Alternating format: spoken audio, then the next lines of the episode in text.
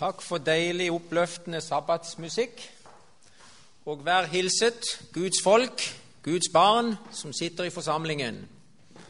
Alle sammen skal jeg vite at de er hjertelig velkommen, og det er, det er godt å være sammen rundt Guds ord. Og jeg vil gjerne sikre meg for eh, massiv kritikk etter dette mitt lille foredrag, eller min lille tale. Og eh, da må jeg si som punkt én det vi skal tale om, er regnet for å være meget, meget svært. Det var punkt én. Det er ikke så lett å kritisere en som skal prøve å legge ut noe som er meget, meget svært. Og så punkt to Jeg vil ikke være dogmatisk, bombastisk skråsikker på det jeg sier. Men det løfter iallfall min sjel, og jeg det gjør meg godt når jeg studerer eh, denne delen av Daniels bok. Og jeg tror at eh, vi er ved å nærme oss en en relativt god fortolkning av dette særdeles svære stykket i Bibelen. Når det gjelder Daniel kapittel 2, 7, 8 og 9, så er jeg dogmatisk. Der er det meget, meget lite som jeg er villig til å diskutere og gi etterpå. For det har stått klart i hundrevis av år, ja, i flere tusen år har disse fortolkningene, en del av dem, stått klinkende klart. Og det er kun nå i den siste tid at de blir utfordret. Så vi skal gå til Daniel kapittel 11. Og nå skal jeg bare prøve i løpet av tre-fire-fem minutter å oppsummere Daniels boks profetier, visjoner. Der er fire visjoner i Daniels bok, og jeg kaller dem for profet til eskaton-visjoner. PEV. Profet til eskaton-visjoner. Eskaton det betyr de siste ting. Og det kan vi tenke på Jesu anetkomme. Og profet, det er han som fikk se synet. Så Daniel 2, Daniel 7 og Daniel 8 Der står vi og ser historiens utfoldelse på forhånd fra Daniels e- eget perspektiv for 2500 år siden. 600 år siden, 500 år siden.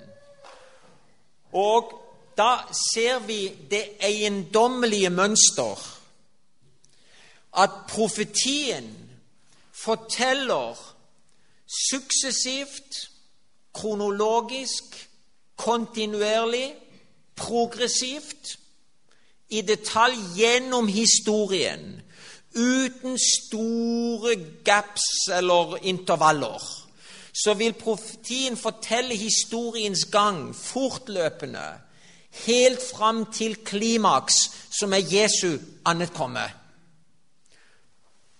Daniel levde når hodet eksisterte, Nebukadnetsar og Babylons rike. Og så går vi gjennom hele historien uten å hoppe bukk over noe som helst. Så går vi gjennom hele historien, så Når ett rike slutter, så kommer det et nytt rike. Og når det slutter, så kommer det et nytt rike. Og når tærne kommer rundt 500-tallet etter Kristus, så fortsetter det som Europas delte nasjoner jern og leire. Og så vil det fortsette hele veien inntil Jesus kommer igjen annen gang. Det er et typisk PEV. Det er en typisk PEV, det vil si profet til eskaton visjon. Og det er fire slike visjoner i Daniels bok. Og Hvis du er interessert, så skal jeg nevne de for deg. Og Det er meget enkelt. Det er kapittel 2, det er kapittel 7, det er kapittel 8, som blir hjulpet av kapittel 9, for kapittel 9 forklarer kapittel 8. Og så er det kapittel 11. Og det er det vi skal kikke på nå. For kapittel 11 tar oss med fra Daniels egen tid hele veien opp gjennom historien, parallelt med historien, til Jesu ankomme, som ligger fremfor oss i tid. En typisk PEV. Så det samme kan vi finne ut. Det samme skjer i Johannes' åpenbaring. Akkurat det samme. Der er det fem PEV-er. De syv menighetene, de syv seilene, de syv basunene, kvinnen og dragen i kapittel 12, og dyret som kommer opp av havet, og dyret som kommer på landjorden, kapittel 13. Det er typiske Nei, typiske, de siste er nok ikke typiske, men de er PEV-er, de. Så vi går nå til Daniels bok, kapittel 11, så skal vi se på dette, den, denne, denne visjonen. Og husk at Bibelen er den eneste boken i hele verden som beskriver total historie. Og hvis ikke vi hadde hatt Daniels bok, kapittel 11, så ville vi ha mistet en del detaljer fra det som skjedde fra den siste profeten levde i Det gamle testamentet, til det første evangeliet ble, ble, ble skrevet, eller Paulus sine første brev. Der har vi et rom som, som er blitt fylt opp av ekstrabibelske, pseudiografiske skrifter, hvor man kaller seg for Enok og Moses og Abraham og all verdens navn og gir seg ut for å være disse store menn og skriver en masse flotte religiøse skrifter, og, men, men, egentlig så stemmer det bare ikke det de skriver, disse her som lever i den såkalte intertestamentale periode. Det er perioden mellom Det gamle testamentet og Det nye testamentet. Men Daniel 11 gir oss en sikker beskrivelse av hva som foregikk i den perioden. Har vi en beskrivelse av hva som skjedde før jorda ble skapt, eller før menneskene og, og, og, og tingene i denne verden ble skapt? Ja, vi har ord fra Esekiel kapittel 28, vi har Jesajas kapittel 14, som forteller om en som heter Lucifer, og som forteller om en kamp som fant sted oppe i himmelen før mennesket ble skapt. Og så har vi jo Bibelen, som er en vidunderlig kronologi over menneskets liv i denne verden, helt fram til den siste av Bibelens forfattere. Så blir det liksom så blir det en stopp, og så har vi ikke noe mer informasjon. Men så kommer altså informasjonen i Daniel 11. Men hva med etter Bibelen ble skrevet? Har vi informasjon om det? Etter det siste boken i Nytestamentet, Johannes Ja, selvfølgelig, Johannes' åpenbaring er jo en beskrivelse av det som skulle komme etterpå. Og Johannes' åpenbaring beskriver helt frem til Jesu annet komme. Den beskriver tiden etter Jesu annet komme, frem til Jesu tredje komme. De tusen år. Og Johannes' åpenbaring i de siste to kapitlene forteller om den vidunderlige erfaring Guds folk vil ha i himlenes rike når jorden skal skapes om og bli et paradis igjen. Så der har vi altså total historie. Ingen annen bok i verden gir oss total historie. Det er én grunn, en god grunn for å lese Bibelen, hvis ikke du tror så kan du lese Bibelen, for der har du en total historie. Og så kan du selv vurdere om du, om du syns det er overbevisende eller ikke, hvis ikke du har lest så mye i Bibelen. Vi går til Daniel 11, og der står det jeg, nu, og jeg kommer ikke til å lese alt, for det er jo et langt kapittel. Det er et av de lengste kapitlene i hele Bibelen. Og iallfall det lengste i Daniels bok. Og Der står det Vi skal ta med begynnelsen. Og nå vil jeg kunngjøre deg hva som visst og sant vil hende. Ennå skal det oppstå tre konger i Persia. Så vi er tilbake på Daniels egen tid. Han sier at det skal komme etter deg eh, kong Og det står vel i kapittel 10 kong, eh, I, i perserkongens Kyros tredje år så fikk altså Daniel noen åpenbaringer. Og denne er en del av disse åpenbaringene i kapittel 11. Så etter Kyros så skulle det oppstå tre konger i Persia. Og så står det en stjerne i min bibel. Står det en stjerne i din bibel også? Ja. Det skal altså stå noen stjerner her. For, for, for bibeloversetterne og Bibelselskapet de er så overbevist om at beskrivelsen i første del av Daniels bok er så overveldende detaljert og i harmoni med det som faktisk talt fant sted fra Kyros' tid og en stund fremover, at de like godt lager en egen kommentar i Bibelen. Og man har jo egentlig strengt tatt ikke lov til det. For da er det jo blitt, eh, det jo blitt en sånn en eh, fortolkende bibelutgave. Men de fleste bibler har disse Hvor mange av dere har stjerner i deres bibel som forklarer tingene? Ok, fint. Og jeg er meget trygg på de stjernene til å begynne med. Så de har fått tingene veldig bra. Og god kickstart, må man si. For uh, der står det at den fjerde skal samle større rikdom enn alle de andre, og når han har vunnet stor makt ved sin rikdom, skal han oppbyde alt mot Grekenlands rike. Og så står det det Kambyses, Merdes og Darius, Hystaspis og Serkes. Det var den fjerde.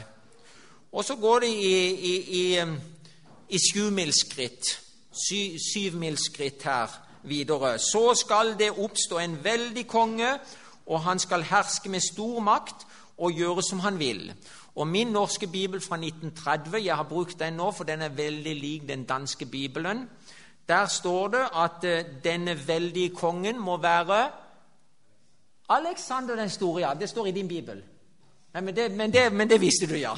Og det er alle enige om. Og Uansett hvor kritisk man måtte være, og uansett hvor vitenskapelig du ville være, så er nå det Alexander. Så det er jo ingen problem eh, det var jo ingen problem for Daniel å si dette hvis han levde, hvis det var en fake, en, en, en, en usann Daniel som levde i det andre århundret før Kristus. Men for Daniel, som levde i det sjette århundret, den virkelige profeten, så var det jo en umulighet å fortelle om Alexander, som kom først 200 år etterpå, som vi, som vi alle forstår. Ja. Men allikevel så står det her klart og tydelig, og det er derfor disse, disse, disse såkalte lærde det er derfor de har konkludert med at det, det er umulig at det er en person i det sjette århundret før Kristus som har skrevet disse tingene. For historien er så detaljert beskrevet. Derfor konkluderer man med at det, er et såkalt vaticinium ex eventu-fenomen eh, som finner sted der. Det vil si, profetien ble skrevet etter den fant sted. Veldig utspekulerte greier. Ok, så går vi videre. Vers 4. Men aldri så snart er han stått frem, så skal hans rike brytes i stykker og deles efter de fire verdenshjørner. Husker du vi talte om det i kapittel 7 og i kapittel 8 i Daniels bok? Så det er veldig harmoni. Faktisk talt så er Daniel 11 en videre kommentar på Daniel 8. Det skal, og det var de fire. Det var Makedonia, det var Trakia, Syria og Egypt. Det var de fire det ble valgt med. Og Trakia og Makedonia de holdt en litt marginal eh, profil i den tiden som kom. Det var syrerne og egypterne. Det var de to store. Og de kjempet som hund og katt i de neste få hundre år. Det skal ikke tilfalle hans efterkommere, dvs. Si barna til Aleksander fikk ikke lov til å arve hans rike og ikke være så mektig som da han rådet, for hans rike skal omstyrtes og tilfalle andre enn dem.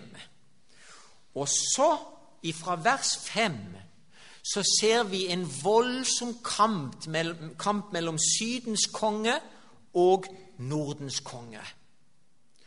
Og hva er imellom Sydens konge og Nordens konge? Hva er imellom det syriske riket, altså den syriske delen av Aleksanders oppsplittede rike, og, nord, og, øh, og, og Egypten? Nord er Syria, Egypt er sør. Så hva er midt imellom der? Det fagre land Israel. Israel. Og Israel er jo plassert ved jordens navle. Og det er forunderlig. Før vi hadde satellittbilder av denne verden Hvis vi kunne tatt et satellittbilde for 2500 år siden av verden, så ville verdenslederne tenkt Wow, mitt rike skal være der Israel ble plassert. Hvorfor? Jo, for Israel var det mest strategiske geografiske punktet på hele planeten. For der Altså, hvis, hvis du kom fra Afrika og skulle til Europa, så måtte du gjennom Israels land. Hvis du skulle fra Asia til Afrika, så reiste du gjennom Israels land. Så Israel knyttet sammen tre kontinenter på en måte. Det var Europa, Asia og Afrika. Og det kan jo ikke bli mer strategisk. Så hvorfor plasserte Gud Israel der han plasserte det, før satellittbildene ble, ble aktivert? Jo, for han visste at det var et område som ville bli sterkt trafikkert av mennesker som reiste øst og vest og nord og syd. Så de kom gjennom Israel, og Gud sørget for å plante sitt tempel i Israel, i Jerusalem, slik at disse forskjellige folkeslagene de kunne bli slått av den storheten, og de kunne bli inspirert, og de kunne få et ønske om å bli kjent med den jødiske religionen. Gud ga jødefolk også de høyeste religiøse tanker noen folk fikk på den tid.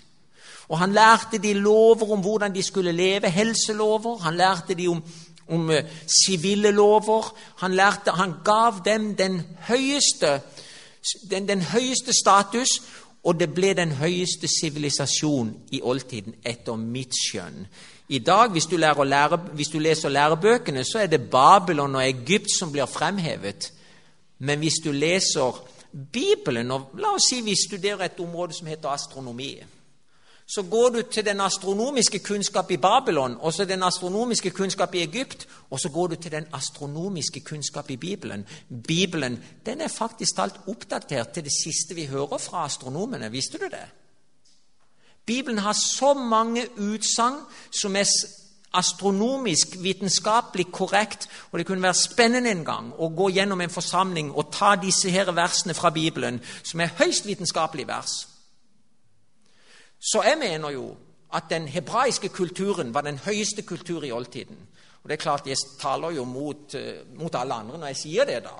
Men det er fordi at jeg tror så utrolig fundamentalt på Bibelen. Det er ikke for ingenting at Daniel var ti ganger klokere enn de babylonske vitenskapsmenn og teologer. Det var en høy sivilisasjon. Og det forteller oss at vi må kanskje tenke i andre mønstre. Vi må legge vekk disse her disse her mytene som vi har levd på så lenge, og gå inn til den virkelige materien. Så Sydens konge var Egypt, Nordens konge var Syria. Og Syria strakte seg inn mot Mesopotamia. Og jeg er sikker på at Iran var en del av det. Persia, altså. Og, og Irak og alle disse landene her. Og så var det Egypt, som var, det, som var den stormakten i Afrika. Og midt imellom var Israel skvist der. Så Israel i et øyeblikk så lå Israel under for egypterne. I neste øyeblikk så lå, så lå Israel under for syrerne.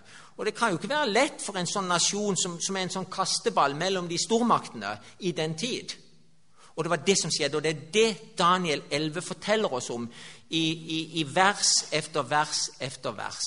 Og det er veldig trettende å gå inn og, og sjekke med, med, med, de historiske kilder og se hvordan det er parallelt med det. Det er en veldig kompleks historie, men for de som føler seg inspirert, så vil jeg foreslå gå til et stort verk om Midtøsten-historie fra eh, fra eh, ca. 400-500 før Kristus og fram til eh, Kristi tid så vil du se denne kampen mellom nord og sør. Så det er en bokstavelig beskrivelse av syd. Sydens konge, det er Egypt. Nordens konge, det er eh, Syria. Og så går vi nedover, men så skjer det noe i vers 21. Så vi hopper hele, hele veien fram til vers 21. Og der kan det, og til og med vers 20 For meg og for en god del andre historiske fortolkere så kan det se ut som om Augustus, keiseren, Oktavian, kommer på banen der i vers 20. Ok? For det står og på hans plass skal det oppstå en som skal la en skattekrever dra gjennom rikets pryd, og noen dager efter skal han omkomme, men ikke ved vrede, heller ikke i krig. Og Det stemmer godt på herr Augustus. Og hvem kom etter Augustus? En som tilranet seg keiserdømmet ved list på en eller annen måte, og det var Tiberius. Og Tiberius er en veldig skal vi si, spektakulær person, karakter fra oldtiden. Og hvor mye er sant av hva vi leser om oldtidens historikere, det må andre vurdere. Men Tiberius har ikke noe godt ord på seg. Han var en, en, en, en pervert, og han var veldig korrupt i sin karakter. Her står det om han i vers 21, og på hans plass skal det oppstå et foraktelig menneske som de ikke har overgitt kongedømmets som de ikke har overgitt kongedømmets herlighet, men han kommer uventende og tilegner seg kongedømme ved list og svik. Tiberius var ikke sønnen til Augustus, men han var jo selvfølgelig i familie. Det måtte man være for å kunne komme på tronen i de dager. Vers 22, så, så vi går altså gjennom historien steg for steg og Det er derfor det kalles for det historiske fortolkningsprinsippet. I motsetning til det preteristiske. Det preteristiske, Da er det bare det som har skjedd i, i fortiden. Det futuristiske, bare det som skjer i fremtiden. Det idealistiske, det som skjer i vår sjel. Å ja, jeg har en apokalyptisk kamp i min hjerne. Djevelen frister meg, og, og, og jeg har en antikristdemon i mitt hjerte. Det er det idealistiske synet. Da blir alt liksom personifisert i, i ditt eget liv, nærmest. Ok, vers 23. For efter at han har inngått forbund med ham, skal han fare frem med svik, han skal dra ut og få overmakten med få folk. Videre. Uventet skal han fanne inn i landets fruktbare bygder og gjøre ting som hans fedre og hans fedres fedre ikke hadde gjort. Og, og, og, og Vers 22 er veldig interessant, forresten. Der står det om forbundsfyrsten. Så her entrer Jesus inn på arenaens skueplass, etter min fortolkning og etter andres fortolkning også, historiske fortolkere. Forbundsfyrsten det minner meget om det som står om Jesus i Daniel kapittel 9, vers 25 til vers 27. Så her har vi et historisk ankerpunkt i denne PEV-en, hvis du forstår meg profet til Eskaton-visjonen. Jesus kommer inn, for, og forbundsfyrsten her jeg er bombesikker på at det er Jesus. Ja, bombesikker, det, det var litt sterkt, da. Men jeg, jeg, jeg, drar i den retning, i alle fall. Det er noe helt sikkert. Så går vi videre, vers, eh, og så skal det være en tid. Vers 24. Uventende skal han falle inn i landets fruktbareste bygder og gjøre ting som hans fedre og hans fedres fedre ikke har gjort. Og Det snakkes om Romerriket her. Hærfang og rov og gods skal han strø ut til sine folk, og mot faste byer skal han legge opp onde råd, og det vil vare én tid. Husker du Daniel 7, 25? En tid, tider og en halvtid. Tre og et halvt år en tid, Hvis vi forstår en tid som ett år her, så er det 360 dager, 330 dager. Og Romerriket, som en republikk, ble, eh, ble etablert der i 30 før Kristus med Augustus. Det var jo først Cæsar, keiser Cæsar. Han ble drept. Og så kom Augustus. Og vi regner Romerriket sånn ca. fra 30 før Kristus. Og så regner du 330 år fremover hvis vi skal ta dag-år-prinsippet her, så kommer vi til hvilket år? Da kommer vi til 330 efter Kristus. Og hva skjedde da? Jo, da skjedde det en voldsom forandring i det romerske riket. Det blir kristent Romerrike. Og Konstantin har da entret scenen. Og der skjer et voldsomt skifte. Plutselig så blir Romerriket kristent. Helt uventet. Og, og det, har vært, eh, det, har vært, hedensk i 360 år, 330 år, og nå blir det kristent. Og så står det at eh, denne makten skulle og, og, og, dette er også komplisert. Veldig komplisert. Når vi går fra Det gamle testamentet til Det nye testamentet, så beveger vi oss i typologiens rike. For i Det gamle testamentets tid så opererer vi med det litterære, vi opererer med det bokstavelige, vi opererer med det geografisk fastsatte.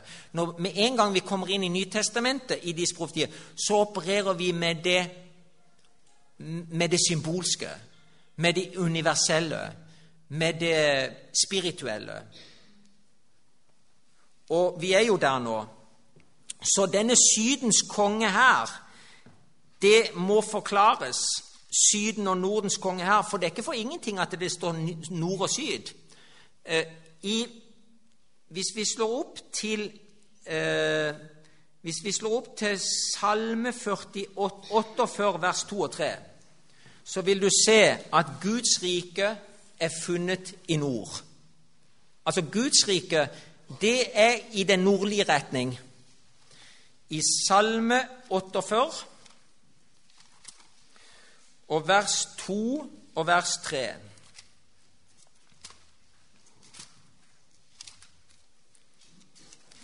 Egentlig skulle, Vi har så kort tid, så jeg burde ikke gi alle de Jeg har mange bibeltekster som vi kunne pøse på med, men jeg må forkorte meg. For, det, for ellers så, så, blir jeg aldri ferdig her. Det er mitt eh, evige problem, det. At jeg aldri blir ferdig med det jeg holder på med. Salme 48, hva? Ja, vi kan, vi, ja, vi skal, vi, ja, vi kan jo vi kan snakke om det, ja. Eh, Salme 48 så står det 'Stor er Herren og høylovet i vår Guds stad på Hans hellige berg'. Så her snakkes det om det nye Jerusalem. Vers 3.: Fagert hever det seg, en glede for all jorden er Sions berg, det ytterste Norden, den store kongestad. Så hvor er Guds trone? Den er i Norden. Skal vi ta bare én tekst til? Jeg må bare vise den i, i Jesajas kapittel 14, vers 12. 13 og 14. Jesajas kapittel 14.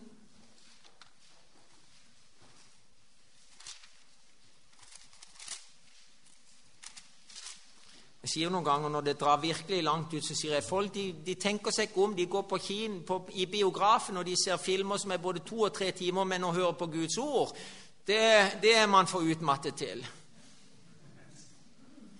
Jesajas kapittel 14, vers 12 til 14. Og det snakkes om Lucifer, Satan, Guds store fiende, motstander. Hvor er du ikke falt ned fra himmelen, du strålende stjerne, du morgenrødens sønn? Hvor er du ikke felt til jorden, du som slo ned folkeslag? Det var du som sa i ditt hjerte, til himmelen vil jeg stige opp høyt over Guds stjerner, vil jeg reise min trone, og jeg vil ta sete på gudenes tingfjell i det ytterste nord. Så det er ingen tvil om at Guds rike, Guds, Gudsbyen, den er i det ytterste nord.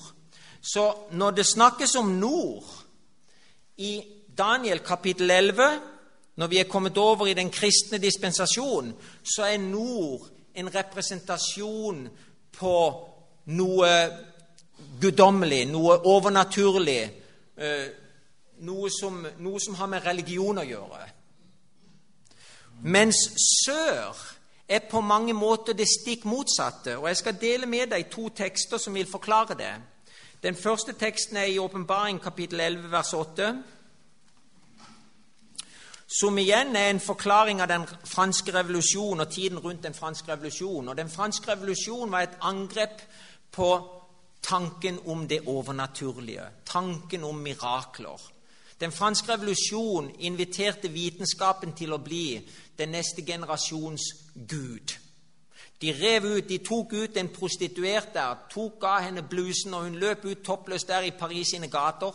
Og så skrek de opp 'Her er vår gudinne, fornuftens gudinne'. Og det betydde at tidene ble skiftet, skiftet over rundt den franske revolusjonen. Vi gikk gjennom, Verden gikk gjennom et gigantisk paradigmeskifte, som man sier det så fint. Paradigmeskifte. Og plutselig så var ikke Gud særlig interessant lenger. Da var det vitenskapens prinsipper som skulle lede oss. Så når du leser det i Johannes' åpenbaring, kapittel 11 og vers 8, så står det om Egypt. En litt interessant eh, sammenheng her. Åpenbaringen 11,8.: Og deres lik skal ligge på gaten i den store by, den som i åndelig mening kalles Sodoma og Egypten, der hvor òg deres Herre ble korsfestet. Så det er altså et sted som lever et utsvevende liv, men som egentlig benekter tanken om Gud. Og jeg skal gi et, et, et, et vers til, så vi har backet det opp skikkelig. Esekiel kapittel 29, vers 3. For der står det om farao. Der står noen betegnende ord om farao. Du husker jo også det når Moses kom til farao. Så, så sier farao, 'Hvem er Gud at jeg skal lytte til ham?' Husker dere det? Når Moses kommer og presenterer disse her tingene fra Gud. Så han latterliggjør tanken om at eh, hvem er Gud? Men her står det ganske klart i Esekiel 29, vers 3. 29 vers 3 så står det om farao. Tal og si, så sier Herren Israels Gud, se, jeg kommer over deg, farao, Egyptens konge, du det store sjøuhyret. Her får vi en sånn en apokalyptisk bitanke. Sjøuhyre det, det, det, det er et apokalyptisk begrep. Ok, Du sjøuhyre som ligger midt i dine strømmer eller elver, som sier 'meg tilhører min strøm, min elv'. Hva er elv på dansk? Hvor? Flod? Ja. Du som ligger midt i dine floder, som sier 'meg tilhører min flod'. Jeg har selv gjort den. Hvor er skaperen blitt av? Skaperen har blitt menneske. Så Egypt står i veldig sterk motsetning, sånn symbolsk, i Daniels bok kapittel 11, ved at nord, der er man overreligiøse. Vil si Babylon. Babylon lå i nord. Syrerne Hvis du går enda mer, altså hvis, hvis israelittene skulle, skulle beskrive babylonerne, så sa de makten i nord. Mens makten i sør er det motsatte, for Babylon var overreligiøs. Du finner ikke noen ateister i Babylon. Men i sør der har du ateistene. Det var egypterne som fant alle mulige slags dyr som de gjorde til guder. Slanger og katter og all verdens ting. Har du ikke sett det der nede? Når du ser disse, disse templer og alt mulig.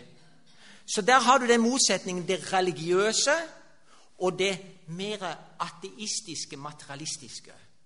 Og Hvis vi forstår den tanken, så vil Daniels bok, litt, eh, kapittel 11, bli litt enklere å forstå. Så kommer vi ned f.eks. til vers 28, for da har, eh, for da har vi kommet, har vi kommet et, et, stykke inn i kirkehistorien. Og eh, det er en kamp mellom pave og keiser, akkurat samme som Eh, tærne av leire og, og, jern. Det er en blanding av det religiøse og det sekulære. Så har vi her altså i vers 27 begge konger, det, og jeg tror det er keiser og paver, som, som har ondt i sinnet. Og mens de sitter ved samme bord, skal de tale løgn, men det skal ikke lykkes, for ennå dryger det med enden. Ennå dryger det med enden, dvs. Si endens tid har enda ikke kommet. Og Daniel, det er jo et nøkkelord i Daniels bok 'endens tid'. Daniel er et, eh, en, en, type på, på, Guds folk i endens tid. Vers 28 han, og det er nå antikristen. Nå har antikristen funnet seg til rette i historien, og så, og, så, og så, kan vi lese om antikristen nedover her fra vers 29, etter iallfall eh, min, min utregning. Han skal vende tilbake til sitt land med meget gods, og han skal legge opp råd mot den hellige pakt legge råd opp mot den hellige pakt. Og Det skjedde gjennom middelalderen. Det kan jeg love deg. Jesu vidunderlige evangelium som ble etablert ved at han hang der på korset, ved at han sto opp ifra de døde og for opp til sin far, ved at vi er frelst av nåde gjennom troen på Jesus Kristus. Den pakten Gud gjorde med oss, den sørget man for å ødelegge gjennom middelalderen. For uh, da, var, da måtte du istedenfor å gå gjennom Jesus for å komme til Gud, så måtte du gå gjennom gjennom presten, gjennom sakramentene. Så sakramentene i kirken tok Jesus sin plass. Hvis du bare var trofast med sakramentene, ja, da var du garantert en plass i himlenes rike. Så sakramentene tok Jesus sin plass. Og det er akkurat det som blir beskrevet her. Råd mot den hellige pakt. Og etter at han har, har utført dem, skal han vende tilbake til sitt land. Og så står det til fastsatt tid skal han atter dra mot Syden denne her overreligiøse babylonske kongen, skal han dra til Syden, men den siste gang skal det ikke gå som første gang. Det har vært en kamp mellom keiser og pave opp gjennom tidene. Og, og, og, kampen var veldig intens, spesielt eh, i den første del av middelalderen. Når vi kommer til 1200-tallet, så har pavene seiret over keiserne. Da er paven så mektig at han kan bare knipse i fingrene og, og, og avsette den ene konge og keiser som han har lyst. Den mektigste paven gjennom tidene sier man var Innocent den tredje. Og Det er forunderlig at hans, hans regjering påfallende, hans regjering sammen, eh, sammentreffer ved midtpunktet på de 1230 årene fra Justinian til den franske revolusjonen. Midt i midten der så er det Innocent den tredje. Og vi ser hvordan pavekirken vokser i makt mot 1200-tallet. Og så efter 1200-tallet så begynner pavekirkens prestisje å, å, å, dempes, og, og han får mindre og mindre makt. Så det passer også meget godt med det vi har studert i Daniels bok kapittel 7. For skip fra Kittim Og jeg kan fortelle alle de forslag som teologer har kommet opp med når det gjelder Kittim. Det er barbarere, det er Rom, det er Kypros, og i Makaber-boken så, sier de, så sier de det er Makedonia. Så det er mange, mange forslag. Så når, hvis man skal studere teologi, så vil du se at uh, du får en liste på fem-seks forslag, så kan du velge Pick and choose. Det er som å gå på tivoli. og så Når du hiver en ballong på en, på, på en skive, så kan du velge bamse på øverste, andre hylle eller tredje hylle. Det, det er ofte sånn. Vers 30. For ski fra Kittim skal komme imot ham, og osv. Og, eh, og, og han skal bli motfallen og vende om og la sin vrede gå utover den hellige pakt. Hva er den hellige pakt? Jo, den hellige pakt det er den avtalen vi har med Jesus Kristus at han vil frelse oss hvis vi bare vil være ærlige og erkjenne at vi er syndere, at vi vil legge oss foran hans føtter og bare gi oss helt over til han og stole på det som han har gjort på korset, og stole på at han kan gi oss en ånd som kan lede oss steg for steg, sånn at vi blir mer og mer lik Jesus. Det er det som er den hellige pakt, men det var ikke en interessant tanke gjennom middelalderen. For da skulle alt gå gjennom Kirken. Alt skulle gå gjennom sakramentene. I sann kristendom så kommer vi direkte til Gud gjennom Jesus Kristus. Teknisk sett så slipper du alt det der med prester og kirkesamfunn og bla, bla, bla. Men det aller tryggeste er å tilhøre et kirkesamfunn. For når du tilhører et kirkesamfunn, så er du sammen med venner som har den samme interessen. Og de vil inspirere deg hvis du blir litt lunken. Hvis du er alene i din stue og har TV og stereoanlegg og aviser og chips og cola og alt det som hører med, og ikke har noen kristne venner rundt deg, så blir man motløs, deprimert, og man får ikke den oppmuntring som man trenger. Så det å tilhøre en menighet, det kan jeg anbefale på det varmeste. Og selv om jeg, ikke, selv om jeg føler meg ofte som en hykler, så, så, er jeg veldig glad for at jeg tok min avgjørelse med å bli døpt for 30 år siden. Jeg takker og priser Gud for at han ville akseptere meg, og, og at ble, det, det, var det største øyeblikket i mitt liv, når jeg fikk lov til å bli, bli forenet med Jesus Kristus. Og der sto en stor menighet og backet meg opp. Så det er min oppmuntring. Så skal han vende om og legge merke til dem som forlater den hellige pakt. Og Hæren som han sender ut, skal komme og vanhellige helligdommen, den faste borg. Oh, det er akkurat som i Daniel 8, for der skulle, de også gå, der skulle antikristne også gå løs på helligdommen. Ikke sant? Istedenfor at vi vender våre blikk opp til helligdommen, eh, hvor Jesus er, så har Kirken lært oss at vi skal komme ned her til messen og gå gjennom presten. Alt har blitt, blitt, blitt gjort eh, verdsliggjort. Man tar ting fra himmelen, og så legger man det ned på, og så gjør man det jordisk og, og verdslig.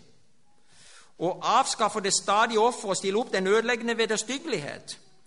Og dem som synder mot pakten, skal han gjøre til hedninger ved glatte ord.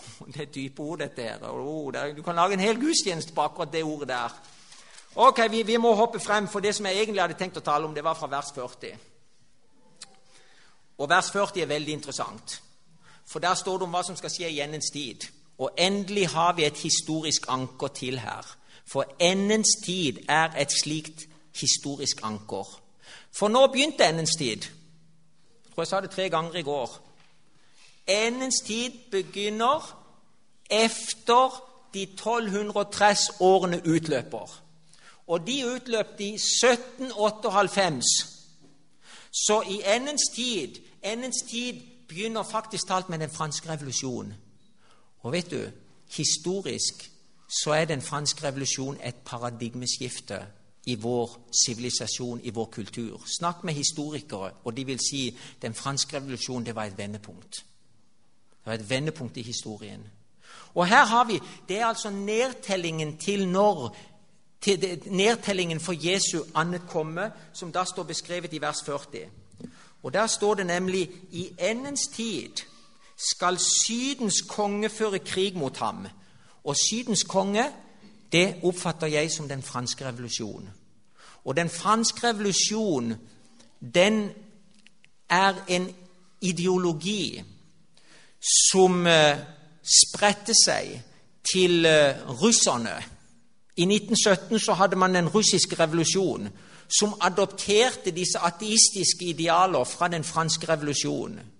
Og russerne igjen, og hvis du venter litt etterpå, så kom kineserne.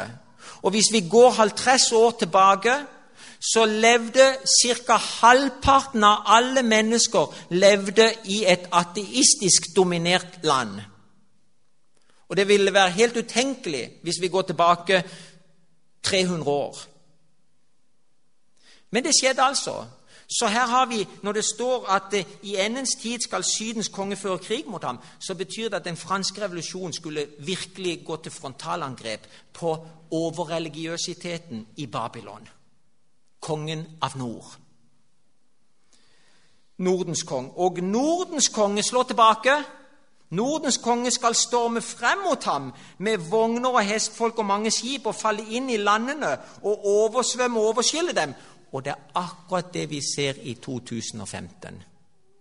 Vi ser hvordan dette, det pavelige Rom vokser til, hvordan det overstrømmer alt. Ja, Jeg kan jo bare si i Norge hvordan det er overstrømmet. I dag så er Den katolske kirke den nest største kirken i Norge. Og eh, De var bare noen få tusen for noen få år siden, men i dag er det jeg tror det begynner å nærme seg 100 000. Og Det er en haug med vietnamesere, folk fra Polen og Det er derfor paven er litt positiv til innvandring og, og, og åpne grenser og alt sånt. For det vil si at de øker medlemstallet av katolikker. Og, og, du vet at det er jo helt forståelig at han, at han sa at nå må Amerika åpne grensene for latinamerikanere. For hvilken, hvilken religion tilhører latinamerikanerne? De er katolikker så godt som alle sammen. Så det er bare en fordel for paven at, at grensen åpnes. Men jeg mener jo også at vi skal være ytterst snille og greie med, med, med innvandrere. Og vi, vi, vi, vi, må behandle dem eh, som våre egne barn, etter mitt skjønn. Jeg har en meget god venn som er syrer, som jeg har hatt det siste året. og jeg, jeg, Det har gitt meg meget. Og vi har mye å lære av dem. Så, så her har vi altså denne kampen som, som, som nå blir beskrevet for oss. Vers 41. Han skal også falle inn i det fagre land. Vet du hva det er? Det er den, krist, den protestantiske kristne, tror jeg. Kirke. Den protestantiske kristne kirke. For i Gamle testamentet, hva var det fagre land? Det var Israel. Og jeg er overbevist om, Det kommer kanskje spørsmål i ettermiddag om den saken, men jeg er overbevist om at alle som tar imot Jesus i sitt hjerte, i Den nye testamentets tid, i den messianske tid som vi lever i, alle, Uansett hvilke folkeslag du tilhører, så blir du å regne som en jøde i forhold til Gud. Så blir du som en ekte israelitt. Så du behøver ikke å være av, jødisk herkomst for å være i Guds øyne en ekte israelitt. Det kaller vi for det åndelige Israel. Og i vår tid så har Gud sitt Israel. Han har hatt det i hundrevis av år, og det er den protestantiske kirke. For den protestantiske kirke den sa, bekjente seg til Guds ord. Den bekjente seg til Jesus Kristus som deres eneste frelser. Så dette pavlige vesen har nå inntatt det fagre land i vår tid, som vil si protestantismen. Og de som vil være tro mot Guds ord. Vers 41. Han skal også falle inn i det fagre land, og store skarer skal falle. Og så står det videre men disse skal slippe unna hans makt, Edom, Moab og de ypperste av Ammons barn. Så blant protestantene, blant de som ønsker å følge Guds ord, de som ønsker å følge Jesus Kristus uten å ha all verdens mellommenn, så er det en del av disse som skal unnslippe, som ikke skal gå på dette her babylonske bedraget. Og hvem var hvem var Edom? Hvem var Moab? Hvem var Ammon? De var nært beslektet til jødefolket. Det var jødenes nærmeste slektninger. Esau, som senere har blitt kalt for Edom, altså folket som kom etter Esau, ble kalt for edomitter. Esau det var bror til Jakob. Det var bror til Israel. Mens, eh, mens Moab og Ammon, hvem var det? Jo, det var eh, barna til nevøen til Abraham, Lot. Det var Lot sine døtre. Og det var jo skandaløst, det som skjedde. De, hadde, de fikk barn med sin egen far. Og etterkommerne av disse to døtrene de kalles da for moabitter og ammonitter. Men de er liksom i den storfamilien av de som anerkjenner Gud. Og, og, og, og den sanne måten å tilbede Gud på. Og Derfor tror jeg at det som står beskrevet her, det er dette komplekset som skjer nå innen kristenheten. Du vet godt at eh, mange protestanter i dag i Amerika de har, de, har, de har, falt på kne fremfor paven, nærmest. De har akseptert at er vår, pavekirken er vår venn, og vi skal jobbe sammen med pavekirken for å fremme evangeliet i denne verden. Og, og det er kjente navn i Amerika som heter Kenneth Copeland og andre karismatiske superledere. Og de har bestemt seg for å, for å jobbe sammen med pavekirken. Så nå kan vi se at Babylon virkelig eh, blir en konstellasjon av dimensjoner.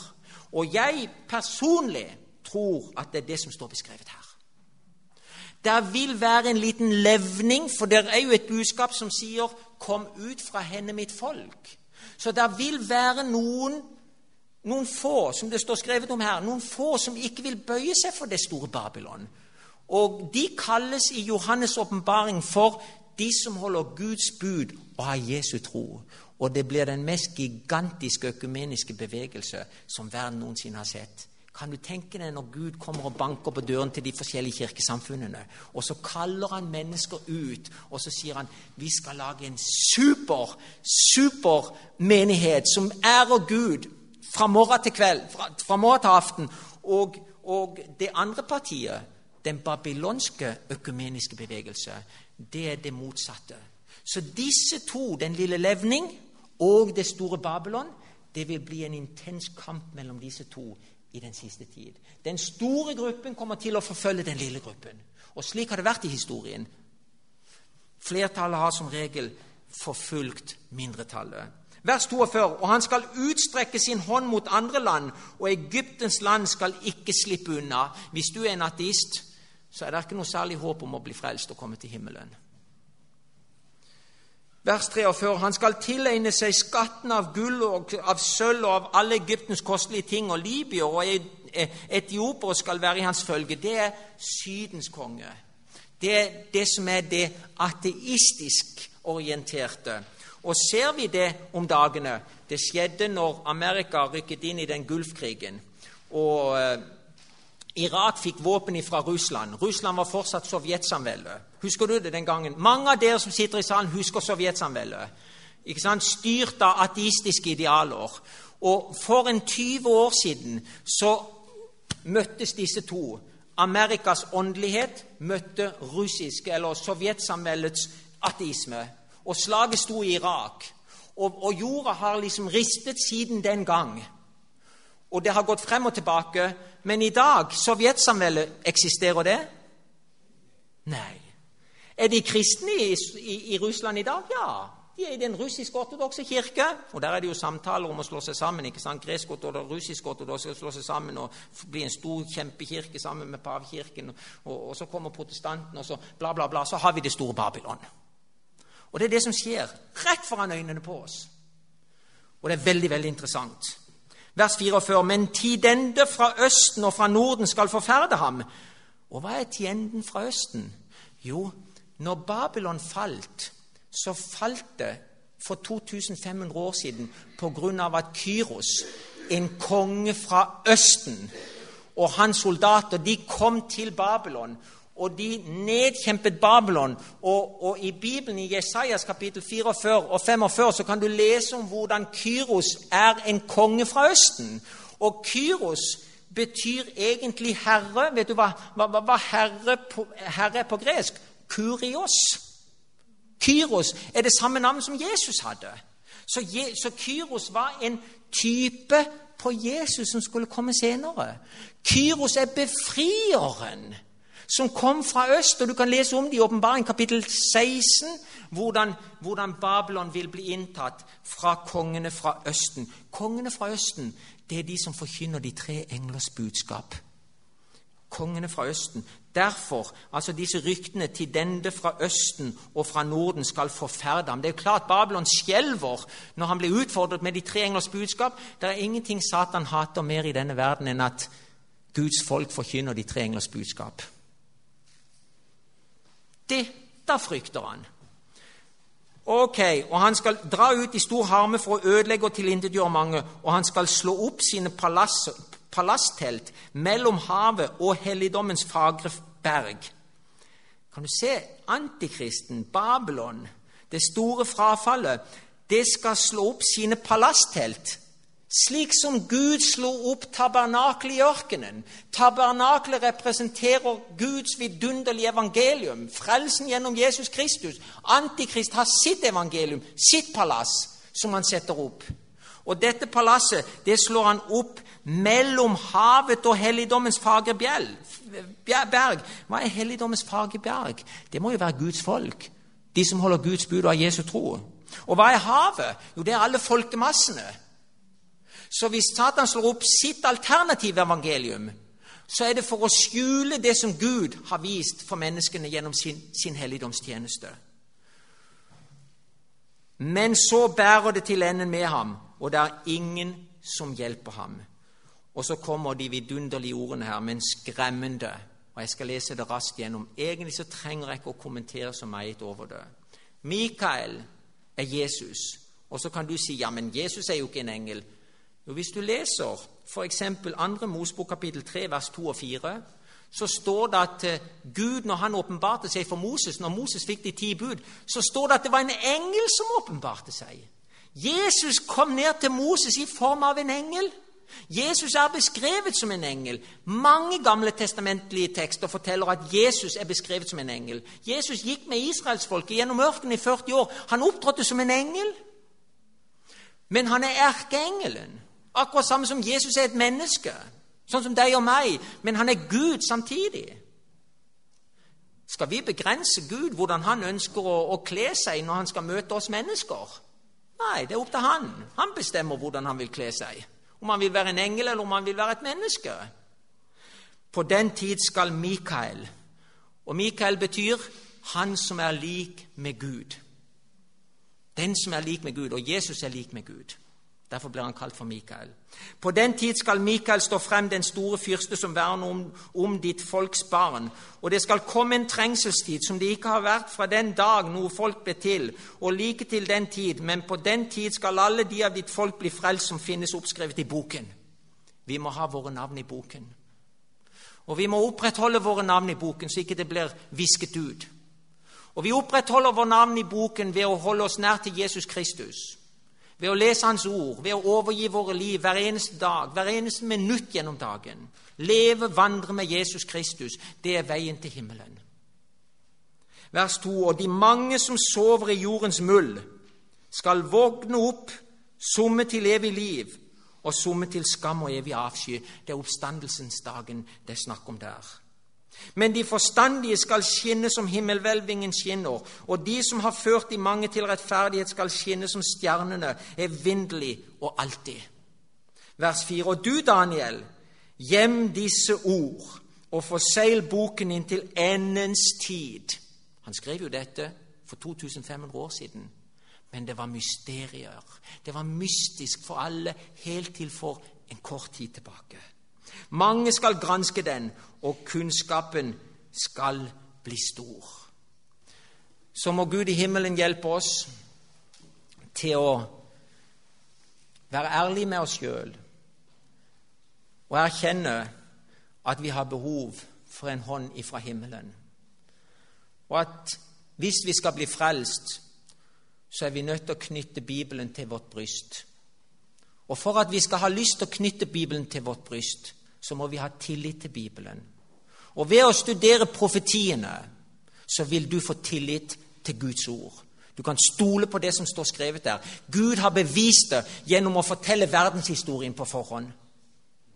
Så må Gud hjelpe oss i denne krisetid av jordens historie, hvor profetiene blir oppfylt på løpende bånd, skal vi be til Gud.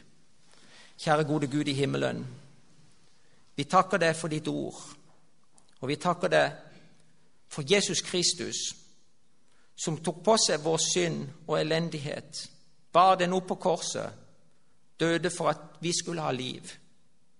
Tusen takk, gode Gud, for din kjærlighet til oss mennesker. Hjelp du oss i denne krisetid av jordens historie. Hjelp oss til å være nær til deg. Hjelp oss til å benytte oss av alle de hjelpemidler du har gitt oss, hvor Bibelen og menigheten er de viktigste. Gode Gud i himmelen, vær nær hos oss i disse dager, hvor jorden ryster under våre føtter. Tenk på de av oss som er svake, og da kan jeg inkludere meg selv. Mange av oss vi trenger å bli omvendt på nytt. Vi trenger å ha et nytt møte med deg. Velsign du oss og hjelp oss i dette fortsett. Vi takker og vi priser deg i Jesu navn. Amen.